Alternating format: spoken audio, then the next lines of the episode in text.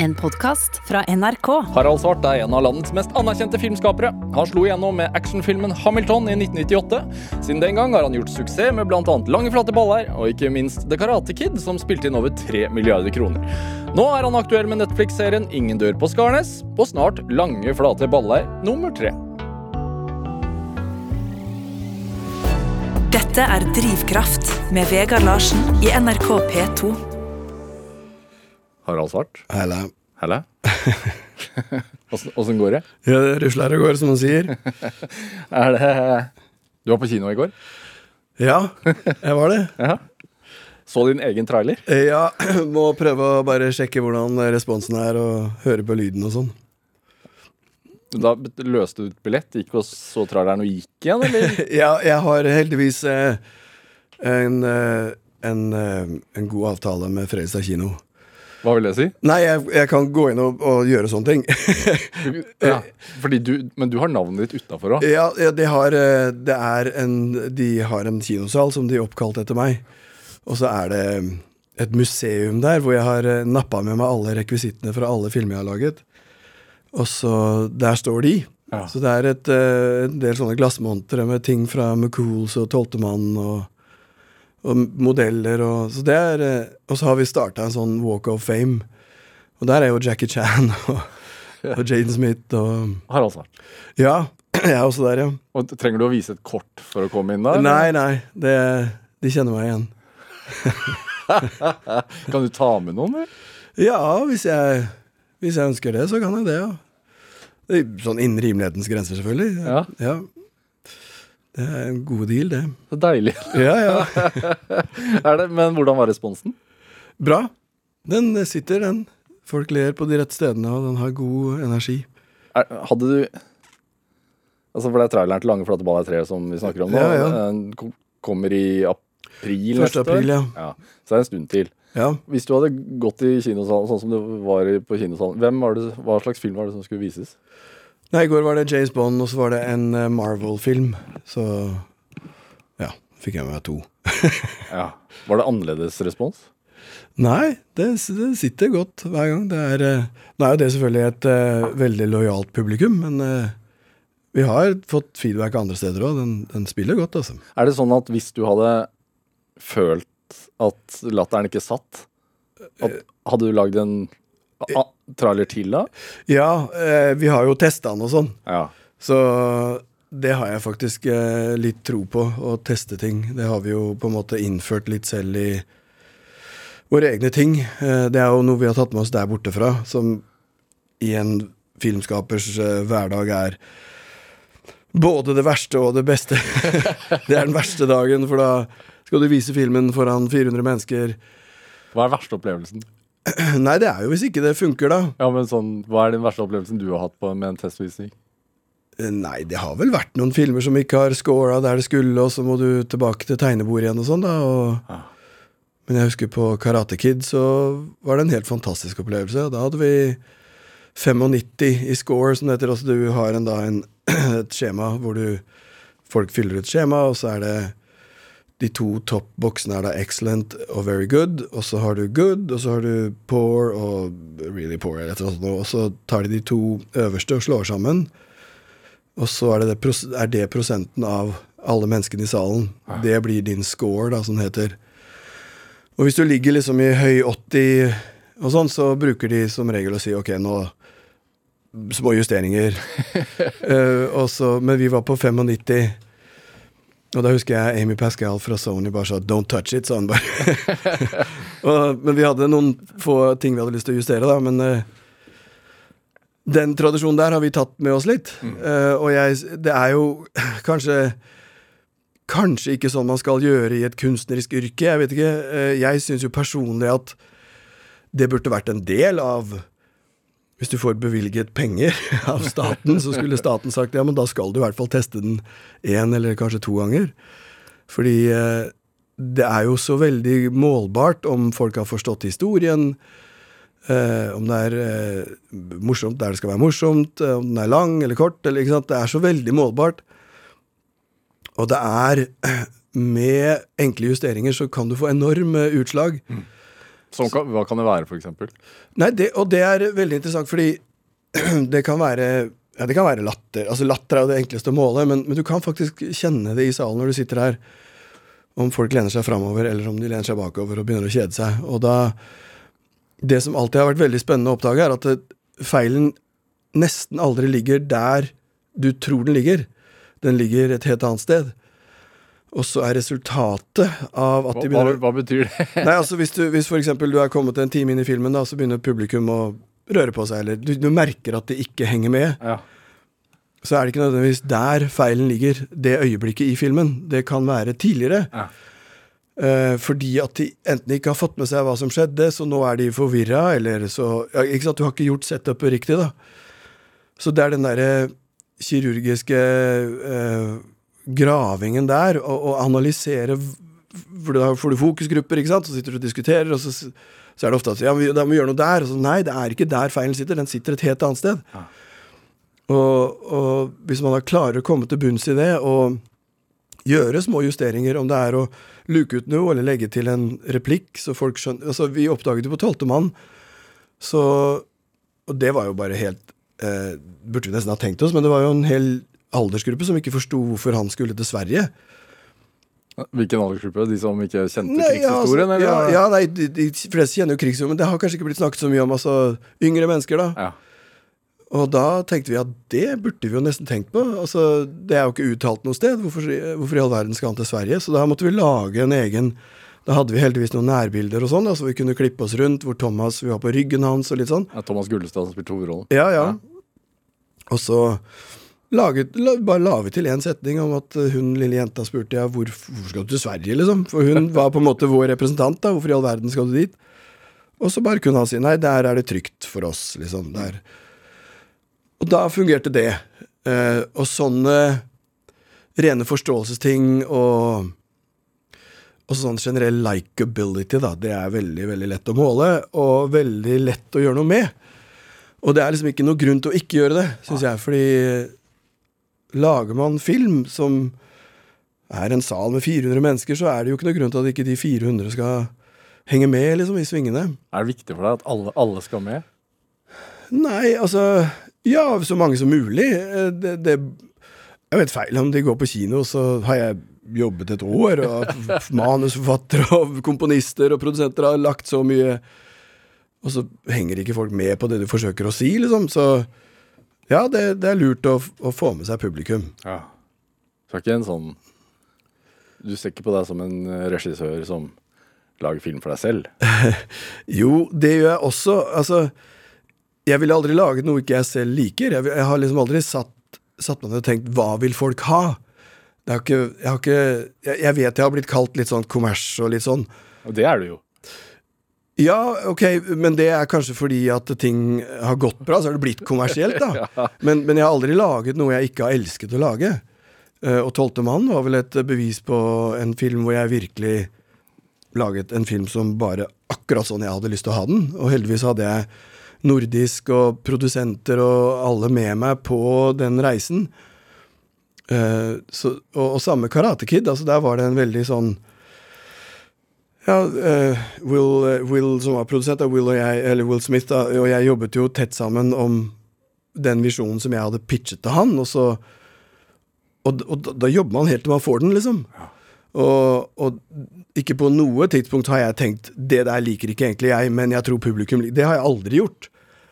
Men når du sitter og har en ferdig film, og du har ønsket å si noe, og publikum sier 'det der forsto Det du prøver å si, det forsto jeg ikke', da er det jo egentlig sløvt, da, hvis ikke du gjør små, enkle justeringer for å få de til å henge med. Jeg syns ikke det er noe kompromiss på din egen kunstneriske integritet. Så gjenspeiler det vel også en slags sånn film altså filmer som du liker, da? Mm. Jeg liker masse forskjellige filmer. Vi satt jo nettopp og snakket om Jim Jarmusch og sånn. Og ja. jeg liker jo også filmer jeg ikke forstår, og sånn, om de har noe nytt eller noe visuelt eller sånt noe. Um, Men du gråt av James Bond her om dagen? Nei, gråt det er litt tatt Jeg, jeg gråter på ET, gråt jeg. Men jeg, fikk, jeg tillot meg selv å få litt klump i halsen, for jeg kjente at ok, det er på en måte dit vi skal. Og så tenkte jeg ok, nå skal jeg ikke sitte og tenke herregud, hva er dette her for noe greier. Jeg, jeg bare tenkte ok, nå skal jeg la den Skal jeg være med på den Og det syntes jeg var flott, det. Altså, det er vel en kjempespoiler hvis du sier noe mer nå. Det skal vi ikke, men Nei. poenget mitt er bare at film fremdeles er magi for deg. Ja, det, det er det, og det har det alltid vært. Eh, og, og det er jo det som er på en måte Det er en sånn utømmelig kilde av inspirasjon, og, og det, det tror jeg deler med alle som lager film eller musikk, eller den derre måten å, å, å ta mennesker gjennom en portal og, og være et helt annet sted, og så se hvordan du hvordan kan det gi følelser, latter, eh, spenning, folk skvetter, altså Det er jo øyeblikk man sitter i salen, så snur jeg meg, og så ser jeg, nå vet jeg det kommer noe, og så sitter jeg og ser på publikum når de, når de skvetter, nå skal de skvette, og så skvetter de akkurat der, og så ok, der satt den igjen, liksom. Det er veldig, veldig morsomt. Så nei, film er absolutt magi. Og det er jo på en måte en, en sum av så mange kunstformer. Altså det er fortelling, eh, manus, det er musikk, det er eh, altså scenografi, skuespill Det er så masse, masse mennesker som jobber sammen. Så det er, eh, er veldig inspirerende, altså. Dette er Drivkraft med Vegard Larsen i NRK P2. Og I dag er eh, filmskaper Harald Svart her hos meg i Drivkraft på NRK P2. Vi snakker om film som magi. Når var det første gang du drømte deg bort i film? Nei, det var vel eh, Jeg satt vel og, og hadde det ordentlig trivelig med de eh, animasjonsfilmene på Disney på julaften og sånn. Det syns jeg Fikk alltid klump i halsen av Jiminy Cricket som sang, og, og, og Carl Larssons jul og sånne Den svenske tegnefilmen. Den derre følelsen som noe klarte å gi meg. Eh, så jeg begynte vel å interessere meg for film allerede som åtteåring, tror jeg. Da begynte jeg å lage noen animasjoner. Og så så jeg Star Wars når jeg var tolv. Og det var bare sånn helt altoppslukende. Det var bare Ok, det var ingen vei tilbake. 77? Ja. Ja. Da var jeg vel tolv, eller tolv Ja, elleve, tror jeg. Og det Nei, da var det ingen vei tilbake. Det, akkurat sånn måtte jeg lage. Var du Følte du deg litt som Luke Skywalker? Ja, ja, jeg løp jo rundt og lekte at jeg var både ditt og datt. Jeg, jeg har jo ja, hatt lyssverd og lagde meg en R2D2 i isopor og skulle jo Jeg filma jo alle mulige ting hjemme i kjelleren som var Star Wars lagde. For det, jeg husker jeg gikk til den lokale lekebutikken, og så spurte jeg om de hadde Star Wars-leker. Og han var så veldig sånn eh, modellbane, jernbane-fan, han som drev den lekebutikken, så han lo av meg og sa nei, den dritten der er vel ingen som gidder å kjøpe, sa han. og, det, og det er nå liksom verdens største leke-franchise. Ja. Så hadde han Og det er vel rart at at når det kommer en kunde inn og spør har du det, og så sier man nei, det har vi ikke. Det. Og så, da burde han tenkt ja, kanskje jeg skal ta det inn, da. Ja. Så for meg så var det helt umulig å få tak i disse lekene. Så jeg husker vi dro til USA eh, en gang eh, rundt den tiden der sånn, og da var det bare hyller på hyller med Star Wars-leker, og det var bare helt magisk. Har du det ennå? Ja, jeg har eh, Jeg har noen av dem ennå, ja. Vært, vært mye i dag? Det Jeg vet ikke, de er jo unboxed da, Ja, og litt ødelagt. Ja. Men du er sånn, jeg så på Du er Du drar fremdeles Altså, jeg så på Instagrammen din, som jo er åpen på internett, at eh, på 4. mai, som er en sånn helligdag på, for Star Wars-fan, altså May, may the, may, may the be with you. you ja, så, Ja.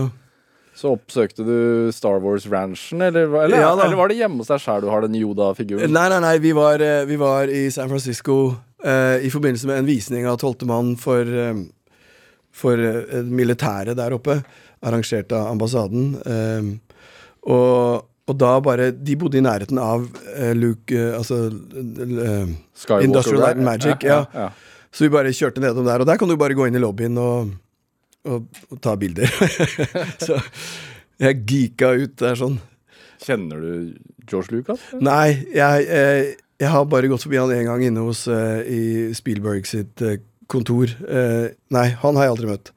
Spielberg kjenner Ja, du? Spielberg? Eh, nei, kjenner jeg Jeg overhodet jeg ikke. Nei, jeg har møtt han flere ganger, og vi hadde jo et prosjekt en gang, og, og når jeg møtte han igjen etter noen år, så husket han godt hvem jeg var og sånn, så det, det Han var jo den første vi møtte. Altså, han var vel grunnen til at uh, Veslemø flytta over, var, Uh, han, han, ble han inviterte oss over. Du hadde laget Hamilton i, i 98. Ja, og så, Men jeg hadde, det var egentlig ikke den som uh, gjorde susen, for å si det sånn. Det var noen reklamefilmer jeg hadde gjort. Ah, ja. eh, Som jeg hadde laget i London. Av hva da, husker du? Eh, hva var det for noe? noe eh, Polaroid med Spice Girls og litt sånne ting. Jeg, eh, et eller annet sånt. Som hadde havna på hans pult, da. Spice Girls, som var verdens største band akkurat da. Ja, ja, ja, ja. ja Jeg vant en pris, faktisk, for Best Use of Celebrities. Vi brukte de bare i tre sekunder helt på slutten. det var veldig morsomt. Var det sekundpris? Nei. Ja, nei, de, de bare Britisk humor. De syntes det var så stas at vi hadde nesten ikke brukt dem. Så Best Use of Celebrities. Men uh, i hvert fall da Så det var reklamene han syntes hadde vært morsomme. At de var små 60 sekunders fortellinger med en begynnelse og en midten og en slutt. Og, så han, han var kjempefan av det. Og da ble vi invitert over. Så Veslemøy hadde lunsj med han, vi tre bare. Ja. Og så heldigvis Hæ? Veslemøy, og så var kona di og, Ja. medprodusent og Ja. sidekick, egentlig. Eh, Ja, eh, hun er jo alt for meg, holdt jeg på å si. Altså, hun, eh, hun studerte jo på den tiden um, juss og kriminologi. Og tenkte at den filmbransjen skal jeg holde meg langt unna, tror jeg. Men så ble hun mer og mer eh, dratt inn i det og inspirert, da, og, og begynte å lage dealer og holde på å forhandle. For jeg begynte å få litt karriere rundt i Europa og sånn, så var det hun som laget alle disse og satte opp ting her og der og sånn. Og så når vi da dro over og traff Spielberg, så, så tenkte vi nei, nå stikker vi bare. Og så Hva snakka dere om, da? Med Spielberg? Ja. Eh, Altså, jeg fikk ikke sagt så mye, for jeg var så jævlig starstruck. Men hun, eh, hun eh, studerte på den tiden så studerte hun, eh, skrev hun en oppgave om private fengsler. Og hadde sitt å si om det, da. Og USA og ditt og datt, og nå skal du høre her, og hun sa 'du kjenner jo Bill Clinton', sa han. 'Ja, jeg gjør det', sa Spielberg. Og så 'ja, si til han', de. De hadde masse å prate om. Nei, så hun er heldigvis like, holdt på å si, riskvillig, da. Så vi sa opp leiligheten og pakka to kofferter og så oss aldri tilbake. Hvor viktig er det? At, at er, altså, hvor viktig har det vært for deg at hun har vært med? Det har vært alt, eh, i grunn. Eh, fordi jeg hadde aldri eh, jeg håper å si at baller, eller kunnskap, eller ro nok til å gjøre noe av dette selv. Altså, hun har en eh, Hun er gründer av hjerte og tør å satse. Altså, vi er jo veld, vi er veldig enige om at um, Et sånt gammelt ordtak at the, the biggest risk is taking no risk at all. Så hun er akkurat der, hun også. Og så er hun bare smart på forretninger og har veldig god smak og Så hun var jo den første som sa det, den dritten der må, må du la meg Han der kan du ikke kaste. Så hun var veldig sånn kritisk. Så det har vært noen krangler på det hvor jeg har sagt nei, men kjære, det der er vel bra. Nei, det der holder ikke. Og, så det har jo vært veldig nyttig. Men eh, så vi dro jo over dit, og da starta hun et selskap der som nå heter Motionblur, som nå er et selskap som er her i Norge òg. Og så er det vel i grunnen sånn at eh, hvis du har det bra i forholdet, så, så har du en eller annen slags eh, rustning, føler jeg. Da, da tåler du at folk er sure, eller at ting ikke går bra. Eller, ja, det jo, går jo opp og ned alt man gjør. Er det egentlig altså, sånn for, forholds... Hvis man skal gi et forholdsråd, er det anbefalt å jobbe så tett? Vet du hva, Det er helt opp til hver enkelt. Ja. Eh, det aner jeg ikke. Eh, vi jobber godt sammen. Eh, og har en respekt, og jeg syns hun har kjempeteft på ting hun tenker og mener og syns, og så har hun jævlig god nese for forretninger og sånn, så, hun har liksom bygd opp en, en grunnmur da, som vi kan leke oss litt på nå, rett og slett. Er det, altså, du, Vi nevnte um, Du så film og animasjonsfilmer og sånn i barndommen, det, men det, det var i Fredrikstad. Du vokste Altså, du er fra Nederland, egentlig? Ja, jeg er født i Nederland. Min far var jo nederlandsk. Ja. Og Hvor, altså, hvor? I Leiden er jeg født. Og så, men vi flytta til Norge Altså, min mor var jo norsk, og de, de traff hverandre på universitetet i Leiden eh, under, på medisin. Og så flytta vi til Norge. Jeg var bare no, noen måneder gammel. Leger. Ja. Ja, Begge to. ja. Ja. Og min bror ble lege, og Storebror. ja. Ja. Og han har også vært veldig en sånn god og trygg, eh, eh, solid person å lene meg på. Og han har alltid vært også flink til å si du må følge hjertet ditt. Stå på, dette blir bra. Og så jeg har vel hatt eh, folk rundt meg som har gitt meg en trygghet på at nei, ta sjansen, liksom. Gjør det. Det går bra. Hvordan er det Får man lov til å være hjemme fra skolen eller barnehagen når man har legeforeldre? nei. Nei, den brukte vi aldri, tror jeg. Nei, det er vel heller motsatt. Jeg tror jeg, jeg har inntrykk at legeforeldre har en tendens til å Nei, du er ikke sjuk. Ja. Var det sånn for deg? Ja, det var litt det. Ja da. Nei, vi hadde aldri noen sånne fordeler av det. Snakker du flamsk? Fransk? eh, Nei, flamsk? Nei, nei, flamsk er jeg ikke så god på. Hollandsk snakker Hollandsk, jeg. Ja, ja. da. Du gjør det? ja ja, det er jo i bunn og grunn kanskje morsmålet, men eh, Ja. For jeg flytta jo ned og begynte på filmskolen i Amsterdam etterpå, fordi det var jo naturlig Vi hadde jo venner og familie og Ja. Så det er min nederlandske bakgrunn, ja. Hvordan, er, hvordan var barndomshjemmet til Svart, da? Barndomshjemmet til Svart eh, før min mor ble syk, var, eh, var fylt av musikk, faktisk. Jeg hadde jo en far som var eh, f mer enn normalt glad i klassisk musikk, og spilte, spilte piano og fiolin, og så vi hadde Det var litt sånn Litt sånn tegneserie hjemme. Og. Det var sånn strykekvartetter i helgene. Ja, det høres jo Ja, Så dere gikk på konsert? Ja, vi, det har vi jo gjort alltid. Han har alltid dratt med meg i operaen og sånne ting. Uh, og, men på den annen side så var han også helt imot pop. da Det han syntes var bare var støy, så jeg hørte jo ikke noe popmusikk jeg før jeg var Før jeg flytta for meg sjøl, da jeg var 14. Da hørte jeg Beatles for første gang. Så tenkte jeg jøss, yes, her har jeg gått glipp av mye. Så. Hvor, men hvor i Fredrikstad Flytta dere fra, nei, fra Nederland til, til Fredrikstad? Ja, nei, først så flytta vi rundt omkring i landet litt. Dro- Bodde litt på Geilo og litt sånn. Da hadde, var foreldrene mine i turnhus. Ja.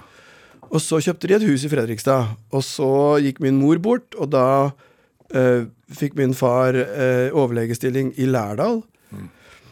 Og så leide vi ut første og andre etasje, og så fikk vi med den dealen at vi kunne bo i tredje etasje da, til vi var ferdig på gymnaset.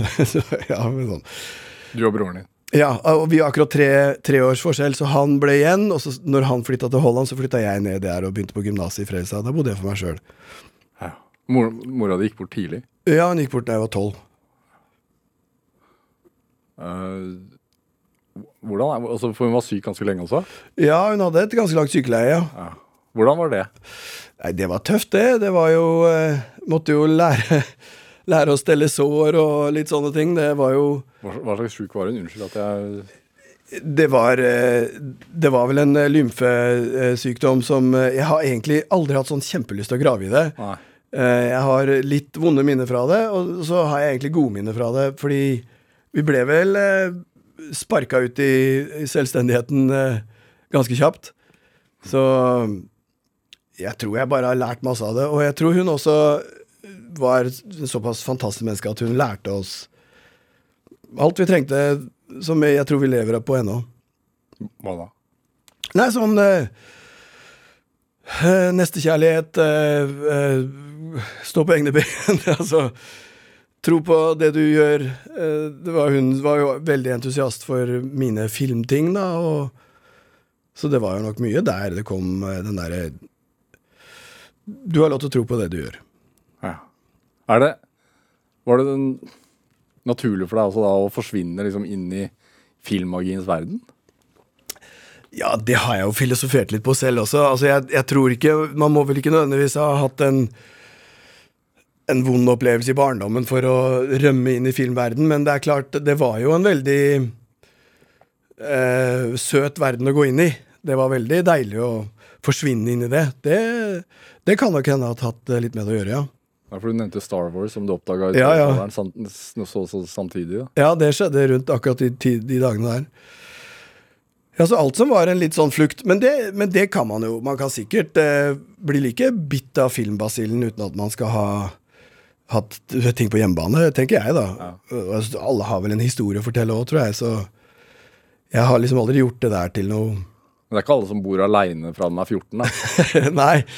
Nei, pappa var ikke helt fornøyd med det, men han skjønte at jeg hadde jo voksne mennesker rundt meg i nabolaget og sånn som holdt godt øye med meg, og jeg har vært flink gutt. Jeg har aldri, jeg har aldri gjort narkotika og skjønte fort at jeg måtte liksom jobbe på skolen for å få karakterer og Så det Ja, han var veldig sånn kul på det der at uh, no news is good news, sa han alltid. Så hvis jeg sa ja, å, beklager jeg ikke har ringt, sa han nei, no news is good news, sa han alltid. Så Nei, de var jo ganske kule foreldre sånn sett, altså. Hva lærer man når man er nødt til å bli selvstendig så tidlig? Nei, det vet jeg ikke, altså. Du må rydde rommet ditt, da. Hvis ikke ingen andre som gjør det. Uh, nei, det er vel eh, å finne litt mening med hverdagen. Altså Det som er skummelt i sånne situasjoner, er at man kan jo bare bli liggende i senga hele dagen, liksom. Jeg hadde, jeg hadde egenmelding, husker jeg. jeg kunne, hvis jeg ikke hadde lyst til å gå på skolen, så kunne jeg skrive min egen melding. Ingen som forteller at du skal legge deg om kvelden? Ingen- Nei, nei, nei. Nei, det var jo helt Smare, altså smøre nista di sjæl. Ja da. Da hadde vi kantine på skolen, altså, og så fikk jeg jo lommepenger som jeg brukte. Så jeg smørte vel ikke så mye mat, men eh, jeg hadde noe, jeg hadde noe fiskebollebokser stående. Nei, det var helt sånn Ja. Husker jeg våknet en natt, og så hadde jeg vondt i halsen. Og så tenkte jeg, å, nå har jeg struma. Helt sånn sjuk tanke.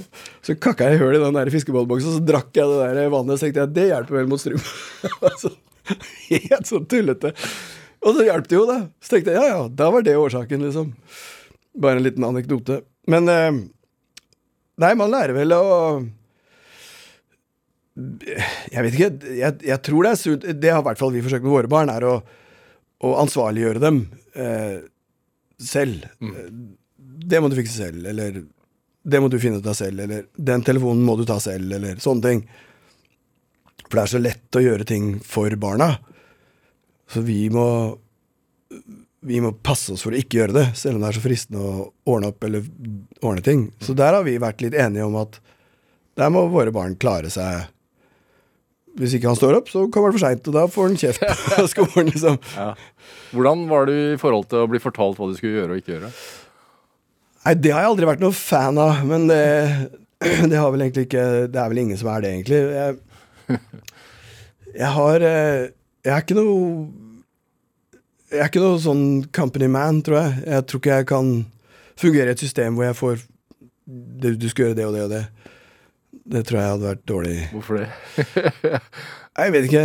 Og det, og det er ikke noe god side, det, altså. Eh, men eh, Nei, jeg vet ikke. Jeg har eh, jeg har vært eh, ganske streng på å bestemme selv. Altså Selvfølgelig innad i familien. Men der er vi jo, det er ikke jeg som bestemmer.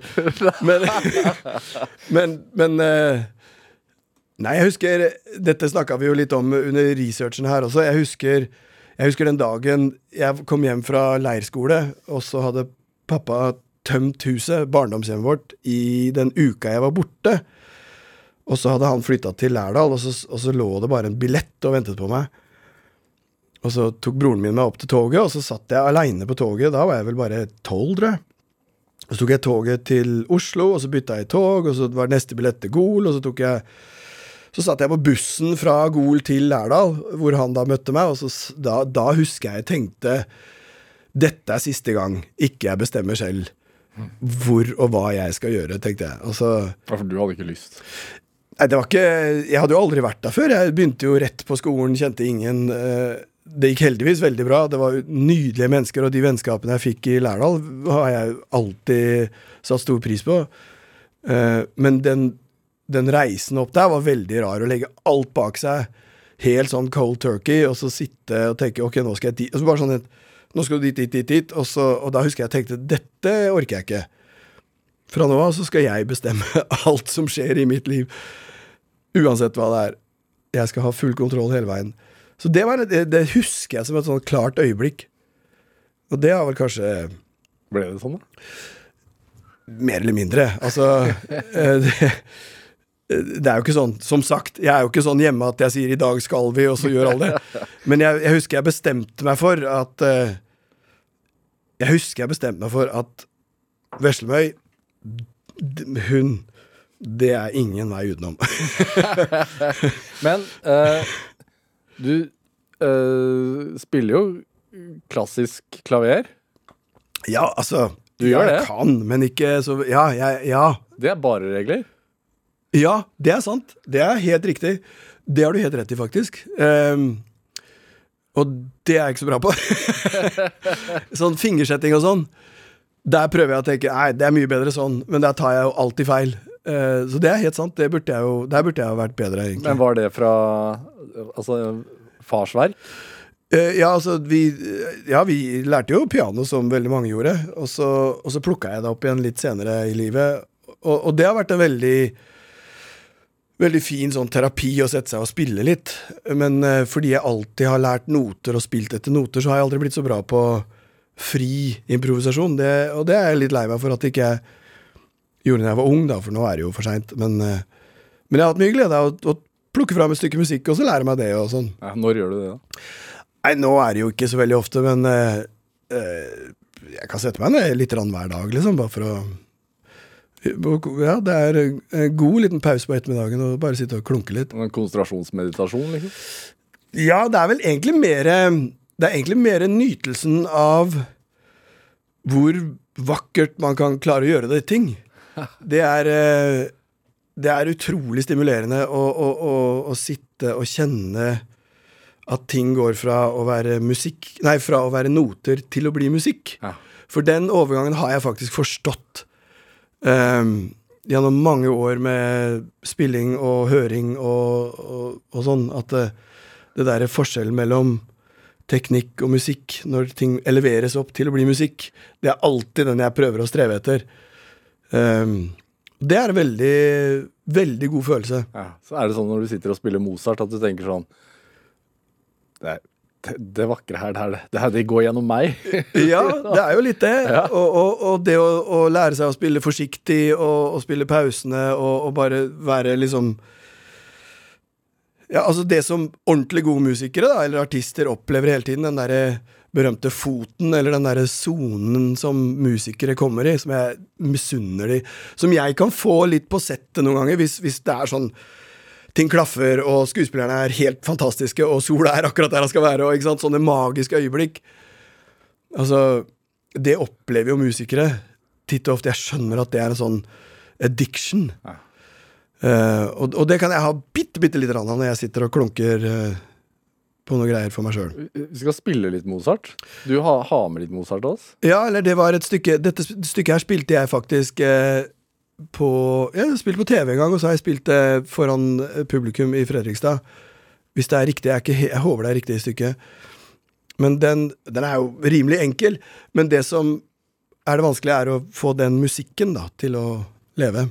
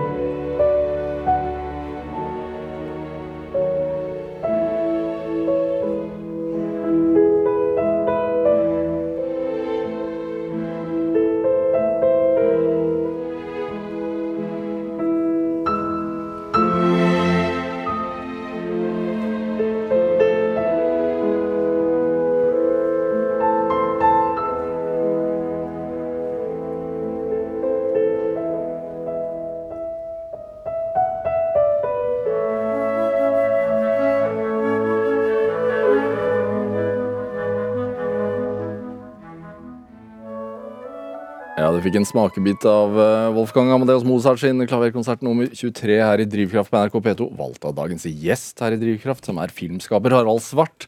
Som selv har spilt dette stykket noen ganger. Eh, Det er et trist stykke, da. Ja, akkurat det partiet her er trist, Ja. eh, men den første og siste delen er veldig positiv. Men jeg syns det der er så vakkert. Eh, og det er så vakkert fordi det er så enkelt. Og vi satt jo og snakket om det nå. Amadeus er en av mine topp fem filmer. Jeg husker når jeg så den første gang, så gikk jeg bare ut av salen. Jeg var på filmskolen i Holland, og der hadde vi frikort da, til å gå på alle kinoer. Og så gikk jeg bare ut, og så gikk jeg inn igjen. Og så så jeg den igjen. Og så gikk jeg ut, og så gikk jeg inn. Jeg bare så den om og om igjen. Jeg tror jeg har sett den hundrevis av ganger. Er, du- gjør du ofte det? Ja, altså gode filmer syns jeg man kan se om og om igjen. Og den her har jeg bare den, Jeg syns det er så utrolig flott fortellerteknikk at det liksom blir fortalt gjennom Salieri. Og, og den derre den der sjalusien og smerten han opplever hvor, Han får det ikke til å gå opp at denne gale, småperverse tullingen har disse talentene, og han klarer liksom ikke å forklare det. Eh, og hvorfor har ikke det skjedd med han, som lever så rettskaffent og liksom by the book?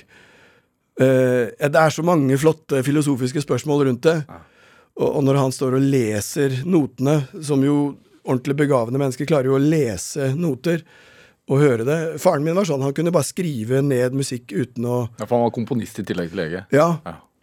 han var vel strengt tatt mer komponist enn lege, ville jeg sagt. da. Jeg har jo, han har bunker med nydelig musikk som vi har gått inn og spilt inn i studio. Som vi egentlig, når jeg tenker i ettertid, jeg burde jo spilt noe av han. Eh, men eh, når Salieri står og beskriver musikken, og du hører musikken, og ja, Da gråter jeg hver eneste gang. jeg syns det er så flott fortalt. Og, og dette, dette at liksom Nå tror ikke jeg på Gud og sånn, men, men at det liksom Det er så vakkert at det er ikke noen annen måte å forklare så vakker musikk på enn at da må det være en gud, da. liksom. Og det er jo sånn vi mennesker er overfor store spørsmål. Flotte, vakre Vi klarer ikke å forklare det, og så Ok, det er Gud, da. Hva tror du på, da? Nei, det er ikke godt å si. Altså um, Nei, det er jammen ikke godt å si. Uh, og jeg har jo hatt disse pratene med, med både Veslemøy og mine barn, og, og det blir vel litt sånn at når man møter mennesker som er sterkt troende, så blir jeg litt motsatt. Uh, og hvis jeg møter folk som ikke tror i det hele tatt på noe, så tenker jeg nei, men vet du hva, det er mer mellom himmel og jord, og jeg har ikke definert det helt. Ja. Så det må jo være noe eh, mellom oss. Eh, det som er såkalte usagte, og, når vi hører musikk eller ser kunst, eller når vi får følelser, så, så er jo det ting vi ikke klarer å sette ord på. Men Selvtilliten din er, du- Altså, du, du fremstår selvsikker. Ja, det er jeg vel egentlig ikke, tror jeg. Jeg, jeg, jeg har vel Jeg er mye nervøs og våkner med angst om morgenen og, og gruer meg fælt. Gruer meg før jeg skal sitte her og prate med deg. Jeg, jeg er nok ikke så selvsikker, eh, men jeg har lært meg å drite i at jeg er nervøs. Ja. Og tenke, vet du hva, dette må du bare gjøre. Kom igjen. Eh, ikke sant? Eh, Det har jo vært øyeblikk hvor jeg har gjort store ting og små ting, og så spilt musikk. Altså, hvis jeg ikke hadde Hvis jeg hadde latt den der nervøsiteten stoppe meg, så hadde jeg jo ikke gjort noen ting. Så jeg har vært redd for å fly òg. Altså, hvis, hvis jeg ikke hadde bare sagt nei, det må du bare drite i, du må bare leve med det, så hadde jeg jo ikke gjort noen ting. Du fikk jo, fordi du fikk jo tidlig altså, ord på deg i, filmbransjen og, og i norsk offentlighet også, at du var en filmskaper som gikk din egen vei. da. Utenfor hva skal man si, den der normale norske øh, stien som man som filmskaper skulle ta. Ja, det, det kan godt hende. Jeg, jeg føler jo at jeg bare har gjort det jeg har hatt lyst til. Ja. Um, og, og vi hadde jo en uh, Men det er i seg selv modig, da. Ja, ja, det er kanskje det. Uh, Jeg har vel aldri helt sånn klikka med uh, jeg, Min første film var jo ikke norsk engang, den var jo svensk. Og så etter det så flytta vi til Los Angeles. Og lagde en amerikansk film. ja, ikke sant? Og både to og tre. Og så den første norske vi laget, var vel Lange flate baller. Som jo var bare et sånt humorprosjekt vi starta en sommer. Um, nei, altså med all respekt, jeg, jeg syns jo det er helt fantastisk hva som skjer i det norske filmmiljøet. Um, uh, Ja, nå ja, men den gang så var det litt annerledes. Ja, det var det vel egentlig. Uh, men men vi, vi hadde vi, ja, Som sagt, jeg ble leid inn av noen svensker, og så ringte Spielberg, så vi, vi fikk liksom aldri vært sånn innom. Og alle De fleste reklamefilmer jeg gjorde, gjorde jeg i England og USA og sånne ting, så vi fikk liksom aldri svingt så veldig innom her. Så du har ikke tenkt at Du har ikke, det har, har ikke vært noe planlagt løp? Det har bare blitt sånn, liksom? Ja, det har aldri vært noe planlagt løp sånn. Er livet sånn? Nei, som sagt, altså Det jeg tror på, er at man kan bestemme seg for et mål, og så, og så følger man det. Men eh, man må passe seg for å se til siden, og så må man følge det man selv vil. Um, og alt som er av sånn kritikker og sånn, det gjør jo vondt som helvete. Men du må på en måte Jeg har jo hatt my share av både veldig gode kritikker og veldig dårlige kritikker, og, og du må bare liksom Nei, ok, det driter vi i. Um, så ellers så tror jeg man bare råtner innvendig. Og, og, og det er vel det jeg på en måte har hatt lyst til å, å formidle litt, er at jeg har Jeg sitter ikke og tenker 'hva kommer folk til å like', som sagt. Jeg, jeg setter meg ned, og så begynner jeg på en scene, eller så, så hører jeg på musikk, og så føler jeg selv at jeg blir revet med og grepet, og så elsker jeg det, og så ler jeg meg i hjel, eller hva det er, og så Kan du sitte i regissørstolen og, og bli rørt av Ja, liksom, ja. egen, scene, holdt jeg på å si? Ja, det har skjedd veldig ofte. Ja. Ja, ja, ja, det er veldig ofte.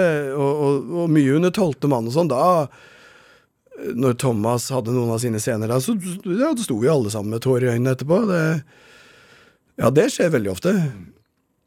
Man er jo helt i synkront med det som skjer foran kamera. Det er liksom, Du kjenner Du har samme følelser som de som er foran kamera.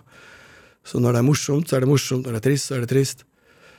Det er veldig sjelsom opplevelse, å sånn. Hva, hva når du, du øh, bruker datteren din nå i langeflate baller? Ja. Hva, hva når du ser på hun da? Jo, hun er jo kjempeflink, og, og, og hun har et naturtalent, og hun har egentlig ikke så lyst til å være foran kamera, hun vil heller være bak. Um, men hun var jo i den første, og så var hun i den andre, så det hadde vært rart å bytte henne ut nå, og så sa hun ja, ja, men det er vel gøy, og så Men hun er kjempeflink. Ja. Så- Men, men er du Er du regissør da, eller er du pappa? Ja, det er jo alltid Altså, der må jeg si at der har Veslemø vært inne veldig ofte og, og, og gjort de beste små tweakene eh, og sagt de klokeste ordene, så det er vel det Ja, jeg er vel regissør da. Jeg må jo, det, filmen er det aller viktigste. Altså, Det må ikke gå på tross av Må jo aldri gjøre ting som folk ikke har lyst til, men det viktigste er resultatet. Hvordan er det å oppdra barn i, Los Angeles? Det er helt greit, det. Altså, det er som å oppdra barn andre steder. Vi bor jo i et hyggelig nabolag med hyggelige naboer, og eh, Du tar de i barnehagen og kjører dem i skolen, og Det er som eh, som her, egentlig. Vi, vi har jo sørget for at vi bor et sted hvor det er litt som her, rett og slett. Så det har ikke vært store forskjellen, det, altså. Er det, er det hjemme nå? Nei, det vet jeg ikke. Det, vet du hva, det, vi føler vel at vi bor begge steder. Vi, vi elsker jo å være her, og vi er jo mye her på sommeren og jula og sånn. Og, og jeg er jo ofte her i forbindelse med reklamefilmer eller sånne ting. Ja. Så vi flyr frem og tilbake. Altså, jeg har hatt sånn dagstur jeg frem og tilbake til LA. Hæ. Det skjer ofte, det. Ja, hvordan, hvordan påvirker det og det er, altså, Hvor lenge har du bodd i LA nå? Men nå er jeg vel 22 år, tror jeg. Ja. hvordan, det, hvordan tror du at det påvirker deg? Nei, det vet jeg ikke. Altså Det er jo alltid en liten fordel å få lov til å komme og se ting litt utenfra. Akkurat som det er en fordel å se USA med norske øyne. Ja. Eh, og, og mye av galskapen som skjer der, eh, kan man jo trygt tenke at åh, i hvert fall hjemme så er det litt annerledes. Eh, og så er det gøy å komme hit og se hvordan de gjør det. Og, og mange kaller det kynisme, men jeg syns jo det er en effektiv måte å gjøre ting på at hvis du ikke er bra, så er det vekk med deg, og hvis du er bra, så får du det du fortjener. Eh, det er ikke sånn Ja, men han er jævlig hyggelig. Ja, ok, so. Eh, det spiller vel ingen rolle. Hvis han er, ikke, hvis han er udugelig, så hjelper det jo ikke å være hyggelig, liksom.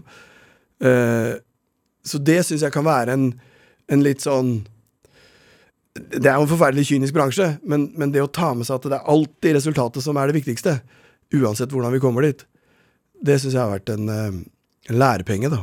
Men er det sånn altså, for folk som, som en, altså, drømmer om å jobbe innen, innen filmbransjen, så er jo Hollywood er jo fremdeles et, et magisk sted.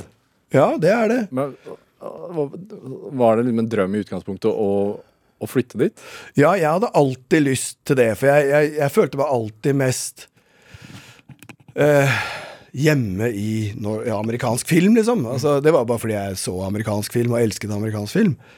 Så, så jeg, og jeg husker når jeg hadde gjort Hamilton i Sverige, som jo var en ganske tøff opplevelse av mange årsaker. Eh, Hvorfor det? Nei, det var vel måten man lager film på, lite grann. Og, og hvordan du som regissør kan bli motsagt, og, og, og det er greit nok, det, hvis, hvis folk har grunn til Men altså, litt annen kultur, da. Så når jeg kom til USA og laget uh, min første film der borte med Michael Douglas som produsent, One Night at McCools. ja, Ja. så var det bare så mye lettere. Så den myten eh, om at det er liksom så skummelt der borte, den, den syns jeg egentlig er omvendt. Det er veldig greit å lage film der. Hvorfor er det enklere? Nei, for det er liksom et system, det er en business. Ja. Eh, og, og, og du kan jo selvfølgelig ha med deg dine kunstneriske ambisjoner, og de må du absolutt ivareta. Eh, men det må funke, og du har en schedule, og det koster penger, og Så du, det er liksom bare en, eh, en ballgame du Og, og jeg, jeg liker den måten å jobbe på. Er det? Hvordan har den drømmen forandret seg? Det er et program som heter Drivkraft, dette her. Det tenker sånn, du har oppnådd en del av målene. Du har laget en spillefilm også det er en sånn, I USA så er det noe som heter en sånn 100-millionersgrense. Ja, ja. Dollarsgrense. Du er en av veldig få som har klart den eh, med Karate Kid, eh, Ja. eksempel. Også du har oppnådd noen sånne milepæler, da. Ja da. Nei, det er jo eh, Drivkraften er vel alltid at man bare har lyst til å lage ting bedre og bedre og bedre. bedre. Alltid forsøke å fornye seg selv, eller prøve noe nytt, eller gjøre ting annerledes, eller eh, Nei, det hadde vært gøy med Jeg vet ikke. Hvordan jobber du med idéutvikling, da? Nei, Det kommer liksom litt fra en En fascinasjon. Det kan starte med bare et enkelt image, liksom. Altså en, en scene, en båt i tåke, ikke sant? Eller en, en konflikt mellom to mennesker som eller, Det er ofte gøy å lete i, i dilemmaer. Altså en karakter møter et dilemma som man overhodet ikke kan komme seg ut av. Um, og, og hvordan det kan slå sprekker i en perfekt personlighet. Og, altså det, alt det der er veldig spennende og interessant. Så det kan jo Jeg får jo masse manus tilsendt, og så leser jeg det, og så hvis jeg finner én kjerne til noe som jeg tenker Oi, det der var bare dritfett, så tenker jeg ok, resten kan vi fikse, liksom. Og så kaster jeg meg inn i dansen på det. Og, Hvor mye, altså Du får masse manus tilsendt. ja, det, det renner jo inn eh, det, det er jo ting hele tiden. Ja. Og det er mye dritt. Som du tenker Herregud, har folk virkelig tenkt å lage dette her? og så er det ting som jeg leser som jeg har tenkt Herregud, har folk tenkt å lage det der? Og så lager de det, og så blir det dritbra. Og så tenker jeg ah, shit, det kunne jo jeg. Åh, den der skulle jeg vært med på. Ja. Så det er jo Så derfor har jeg bestemt meg nå. Ja til alt. Men hva er liksom målet med, med det du lager? Er det Ja? Nei? Nei, det er vanskelig å si. Det, det er eh, Det er bare det der kicket av at du jobber så hardt med noe som fungerer. Og altså, når jeg satt for eksempel da, og så Tolvte mann med publikum, som jeg gjorde et par ganger, så er det bare en utrolig god følelse når crediten kommer på slutten. Så tenker man åh, det der klarte vi, ass. Du gjorde jo eh, nylig eh, regioppgaven på, på Netflix-serien 'Ingen dør på Skarnes'. Er det Hvorfor takker du ja til det? Altså, det er noe helt annet enn en, en sånn du pleier å jobbe, er det ikke? Jo, nei, den, den var jo Det var jo Petter Holmsen som hadde eh, gått og tenkt på denne ideen i mange år. Han, han lufta den ideen for meg er det seks-syv år siden. Så kom han og besøkte meg i Los Angeles. Og så var det vårt selskap da med Espen Horn og Christian Sinkerud og Veslemøy da, som fikk det opp å stå, og fikk solgt inn til Netflix. Um, og Petter har jo skrevet et nydelig manus, og, og, og spurte da om jeg hadde lyst til å ha regi, konseptuell regissør, så heter det da, på, på de første episodene. Og det var en veldig morsom oppgave, fordi vi var veldig enige om at det skulle være morsomt uten at noen skulle være morsomme. Eh, det skulle være spennende uten at det ble sjanger. Så det var en veldig sånn fin tightrope å balansere på. Så for meg var det en veldig spennende oppgave. Mye av Lærdal er i Skarnes. ja, det kan du si. Ja. Nei, man støter jo på ordentlig fine karakterer eh, rundt omkring. det, var, det var ikke et svar. Nei, men det, jo, det som er så fett nå, er jo med, med Netflix, er jo at de har jo etablert en sjanger som heter Local for International. Og det er også sånn med, i forbindelse med Lange flate baller, hvor folk sier er ikke det en sånn Fredrikstad-film? da?» Så jeg nei, den gjorde jo 300 000. Og det er ikke 300 000 mennesker i Fredrikstad, det er bare 30, så 270 så den. Og, og det er at jo mer lokalt du gjør det, jo mer kjenner folk seg igjen. Sånn som Fargo av Cohen-brødrene er jo ikke bare sett av folk i Fargo, liksom. Så det er så riktig at de endelig har oppdaget at jo mer lokalt du gjør det, for det har vi opplevd når vi har vist Lange flate i USA, så sier folk det er akkurat en sånn fyr kjenner jeg jo. Ja. Og det å dyrke den derre veldig Det var det vi prøvde på med med Postmortem, da, var å virkelig grave dypt i lokale mennesker og deres små og store problemer. Når du beskrev den der reisen ut av Fredrikstad som tolvåring eh, på toget, så fikk jeg veldig sånn filmatisk eh, Altså, jeg så det for meg film. Hvor, hvor mye ser du liksom livet ditt i film? Nei, det håper jeg ikke jeg gjør så veldig mye. Eh, Når man forteller ting, så, så blir det jo bilder Ja. rundt det. Eh, nei, jeg tror ikke jeg ser livet mitt som noe film. Jeg håper eh, Jeg håper jeg er godt forankret i virkeligheten, for å si det sånn. Ja. Men eh, det er vel del av jobben. Hvor mye, mye ser du av deg selv i filmene du lager? det? Eller av seriene? Ja, det vet jeg ikke. Altså Jeg vet det er noen som lager filmer om seg selv og livet sitt i mange forskjellige varianter hver gang, men eh, jeg kjenner vel igjen øyeblikk og følelser og sånn. Eh, men det er ikke så, jeg vet ikke hvor mye det er av meg selv i filmene mine. Det kan jeg ikke svare på. Aha. Pappa brukte alltid å si 'ja, det så jeg, det var en Harald Svart-film', sa han. så tenkte jeg 'hva er det han mener med det'? Ja. Men uh, Hva var første filmen hans som du lagde? da? Han har jo sett alt fra jeg lagde de animasjonene da jeg var åtte år og sånn. Ja. Han var jo ø, ordentlig morsom fyr, og vi var, i, vi var på en sånn testvisning av McCools. Og da flyr man jo til et sånt Du gjør det jo ikke i Los Angeles, fordi der er det jo et veldig sånn jaded publikum som Så du flyr langt inn i landet etter, altså til Oregon eller til Wisconsin, et eller annet sånt. Og så har du en testvisning på et helt øde sted. Og da var vi der da med pappa og, og Michael Douglas, som da var med caps og solbriller og sånn. Og så, og så hadde pappa så, Hei, Michael Jackson, sa han. no, it's Douglas. Måtte liksom Å ja, oh, sorry. Så pappa var ikke så høytidelig på det. Når Blir det noen ny amerikansk storfilm på det? da? Ja, altså, vi har et par ting cooking, eh, så vi Nå er det jo selvfølgelig bare krigsfilmer. Du er jo aldri mer enn den siste. Den tolvte mannen har slått veldig godt an der borte, så jeg har Og da Tre. tik tikker din manus på På krigsfilmer, ja. Ja. Så den har folk vært veldig Den syns de har vært storartet. Um, så nå har jeg tre krigsfilmer som er morsomme prosjekter. Eller morsomme er jo ikke noe morsomme krigen, men det er så spennende prosjekter, da. ja. Hva er det som Nei, det kan jeg ikke si. Det er umulig å si. Nei, nei, men hva skal til for at du takker ja?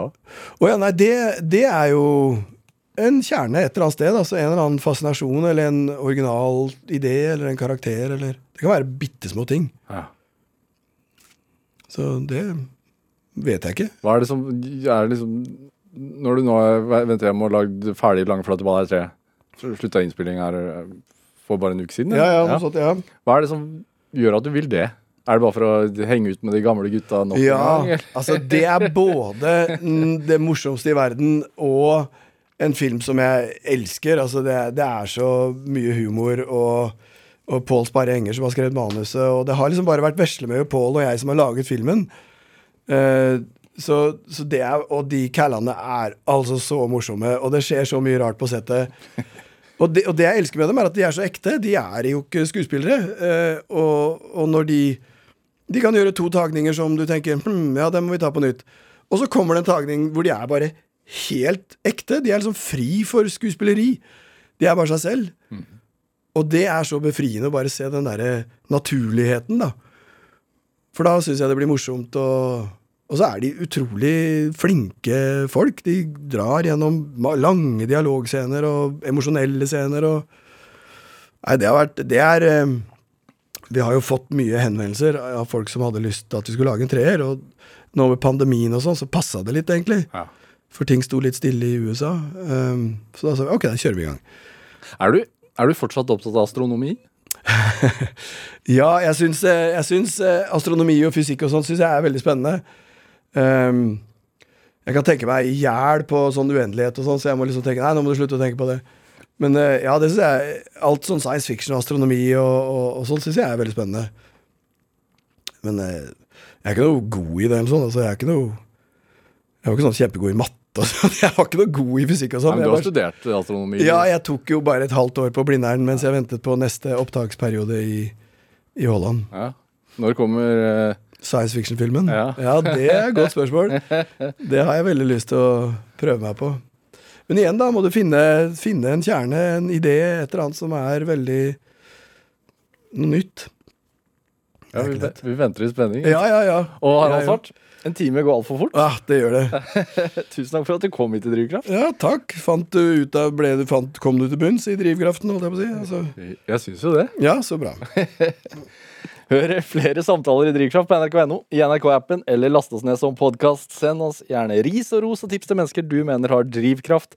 Send den e-posten til drivkraft, krøllalfa, nrk.no. Vi hører gjerne fra deg. Produsent og researcher i dag var Tobias Brynildsbakken Huse. Anne Sofie Stang bidro også sterkt til denne sendingen. Og Harald Svart, du får komme tilbake når sci-fi- sci-fi-filmen er ferdig. Ja, gjerne det. Jeg heter Vegard Larsen. Vi høres. Du har hørt en podkast fra NRK. Hør flere podkaster og din NRK-kanal i appen NRK Radio.